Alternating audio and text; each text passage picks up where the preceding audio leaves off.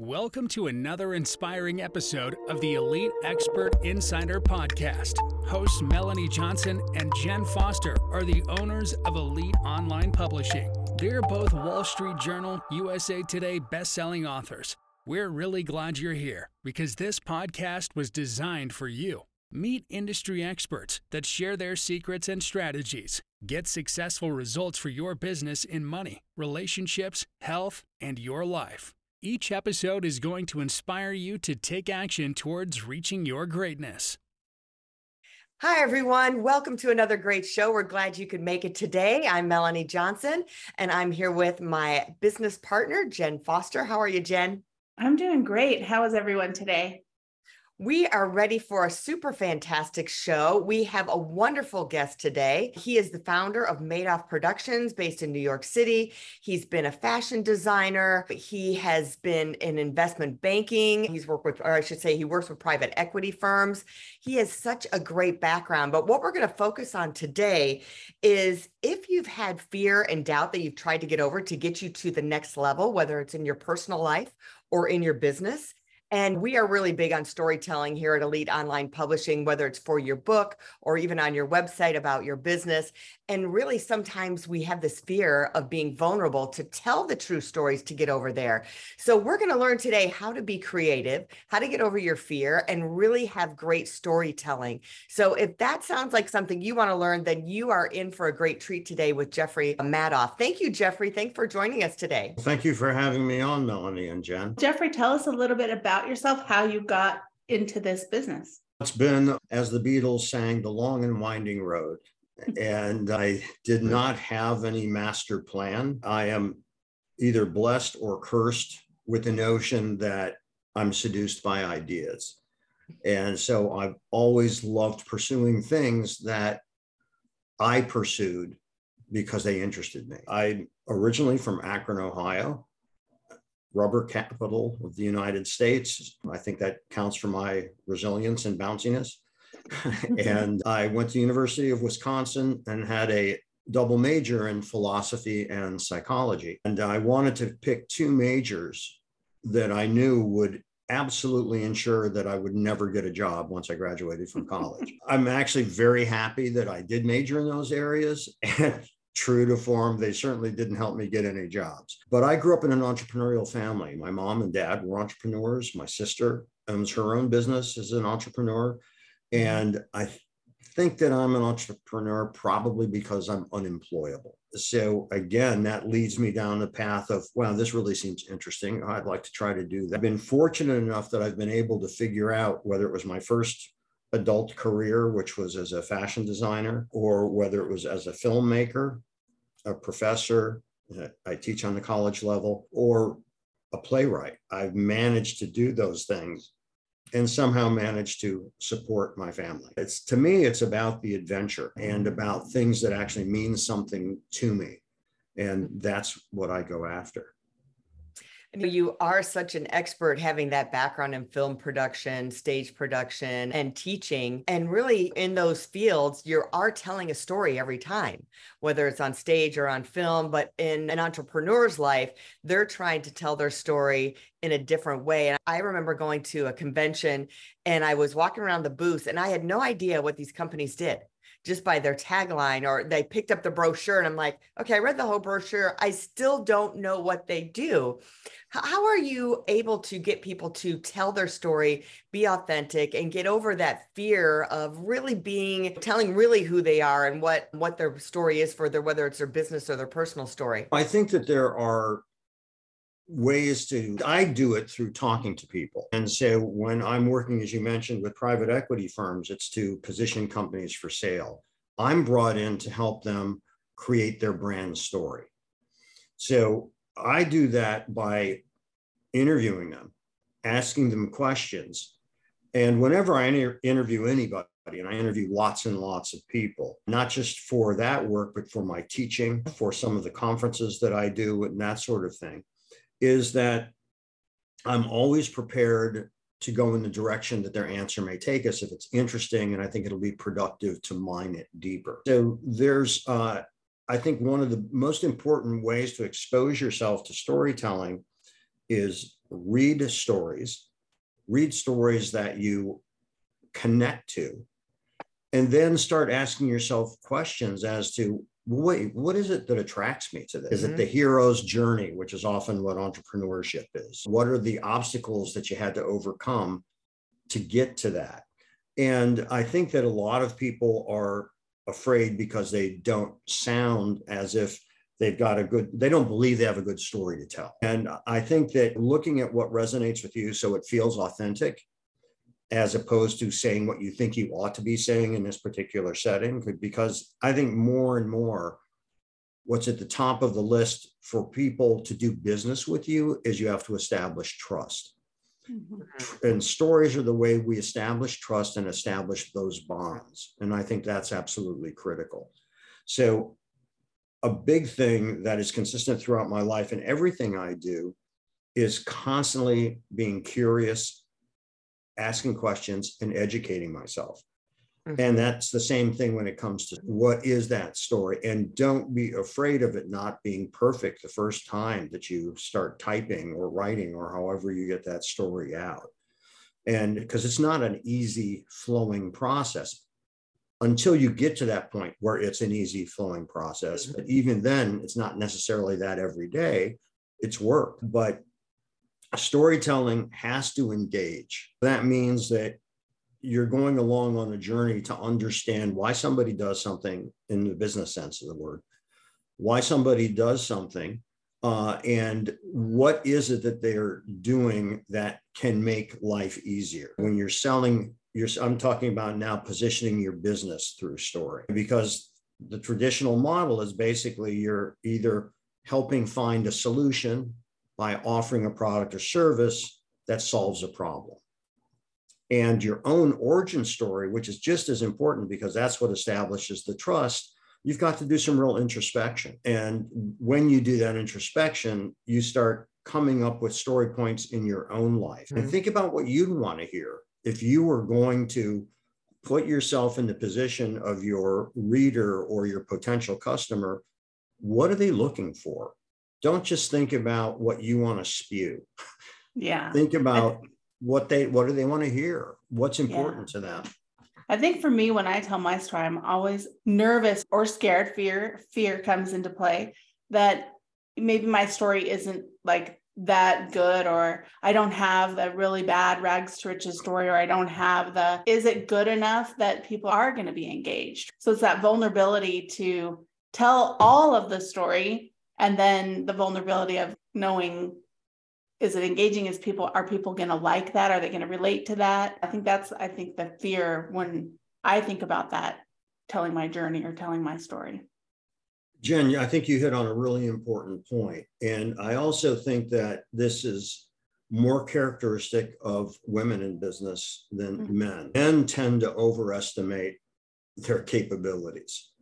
And they don't have that same issue that mm-hmm. many women do, mainly because they're dumb or oblivious or something, because we all have those issues. But men don't usually think about the am I good enough? And that's a challenge. I've spoken to so many women's groups, mm-hmm. so many women's entrepreneurial groups, and have had so many women as students where I teach at Parsons School of Design. And that is that's a problem that occurs a lot. Mm-hmm. And that's that inner voice, that inner critic telling you you're not good enough, you're not worthy enough. Your mm-hmm. story, ah, that's stupid. Why would you want to put that out there? All these mm-hmm. things that stop us from moving forward. And you have to learn how to shut that out, which isn't easy when mm-hmm. you've gotten to a certain age and you've been hearing that echoing in your head for years. So that's really that's a really critical aspect you just spoke about, Jen. Are there mm-hmm. any tips you have to walk through that? Even you may even have people telling you, "Oh, you have a great story. You should write a book. You should do teach this on video." And you're like, "Yeah, that's that inner voice." Are there any secrets you can say? Just put your mind here and just to get you to do it.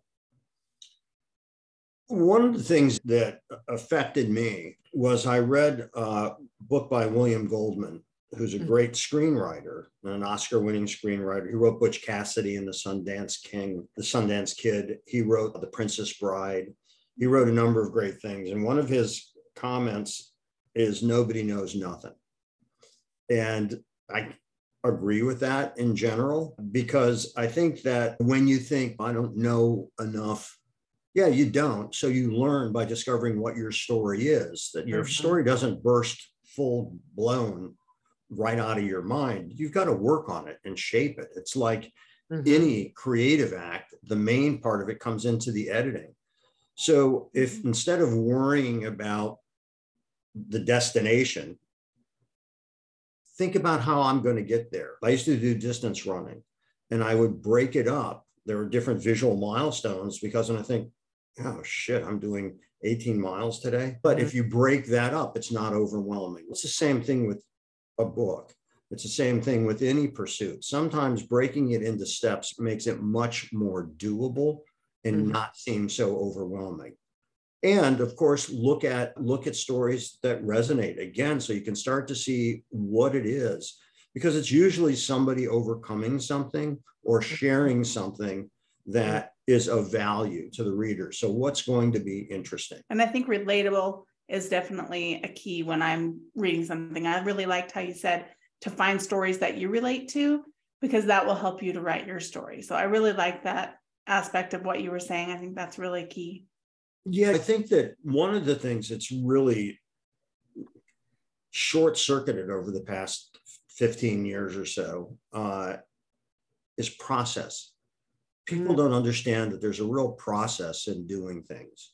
And you have to discover your process, how you best work, when you best work. Some people may do their best work from 10 in the evening to three in the morning. People mm-hmm. are great at getting up at 5 a.m., exercising, then writing. You have to find what works for you. There is no one size fits all in all of these things. And so you have to discover yourself in a mm-hmm. way.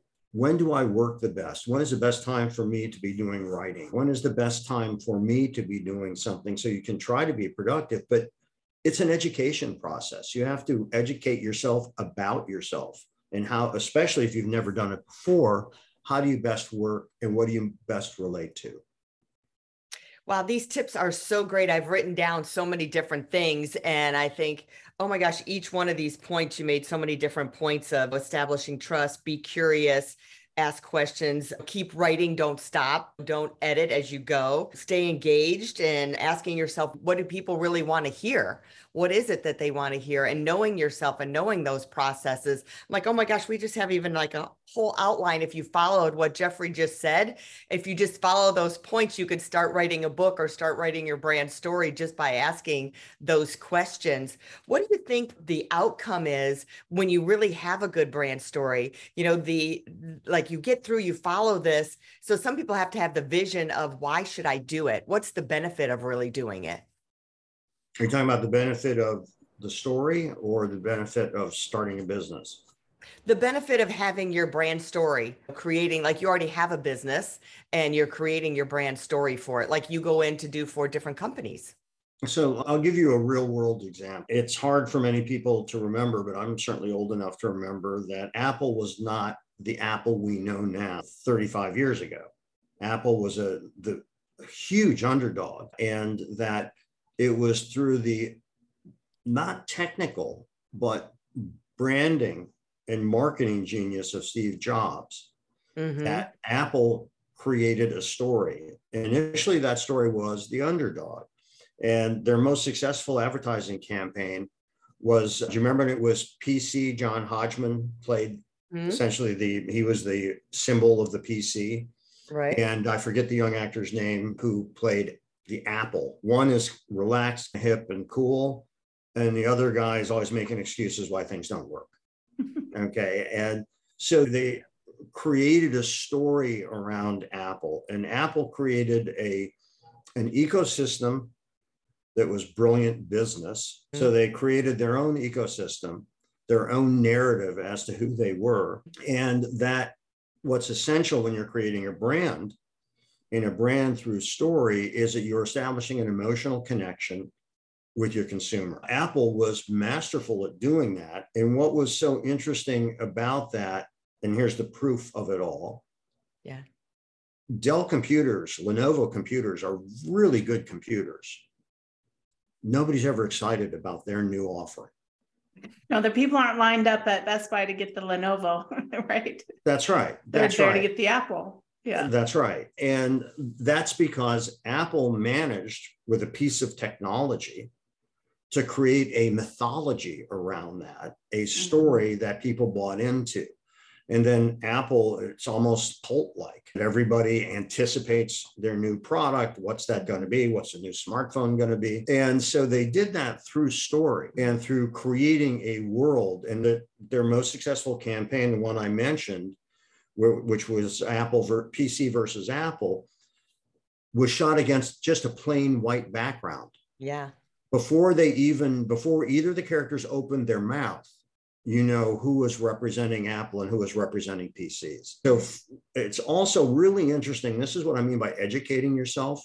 Look at what works. And instead of saying, oh, that's cool, think, why did you think that's cool? Why did you think that works? Why did that engage your attention? And that will start informing you about what you're doing. So mm-hmm. it's always building that foundation of knowledge and looking at things to discover wait a minute, why did I find that to be so arresting? Why was that so good? And I think one other quick real world example, which I think is just brilliant, is Nike's slogan. You know what it is, right? Yep, mm-hmm. just, do, it. do it. There you go. That's like being in church, responsive reading. And the just do it, although Apple a few times tried to go off that slogan just because I guess they thought they should try something new and a refresh, they've always returned to it. Because to me, that's one of the most brilliant slogans ever because it doesn't just relate if you're going to buy some running shoes or apparel, it's a message about life. Mm-hmm. Get off your ass, just do it. And I think that's a valuable lesson to learn whether you want to write a book, whether you're starting a business, or it is deciding to start an exercise program. Just do it. Start the motion, start the forward motion. So Nike created a narrative that was absolutely brilliant, which is why they are the largest by far. They're more than twice the size of Under Armour, who's number two in that world. And they did that also through story. Yeah. So think about again, why did this work? What stopped me in my tracks about this? And how did they reinforce that message? And I think it becomes a big education when you start looking at things that way. And that can inform the things that you do. Because mm-hmm. I believe the more knowledge points you have, the more little dots that are in the brain. And as those ideas pinball around up there, they create those constellations and meanings and associations that if you didn't educate yourself, you'll never form. I love that. And I think it's really good to do that deep dive and that dissection. Jeffrey, tell people where they can go to learn more about you. And I believe you also have a book, right, on Amazon. What's your book's title? I do. And uh, complete with visual aids. That's my book. It's called Creative Careers Making a Living with Your Ideas. And it's it's the perfect book for anyone you've ever met or will meet and that's a story. I'm trying to create a story here, Melanie, as I'm talking. I love that. and it talks about storytelling, about creating a brand, about overcoming fear and doubt, about how to approach situations that you may perceive as obstacles, how to get around those.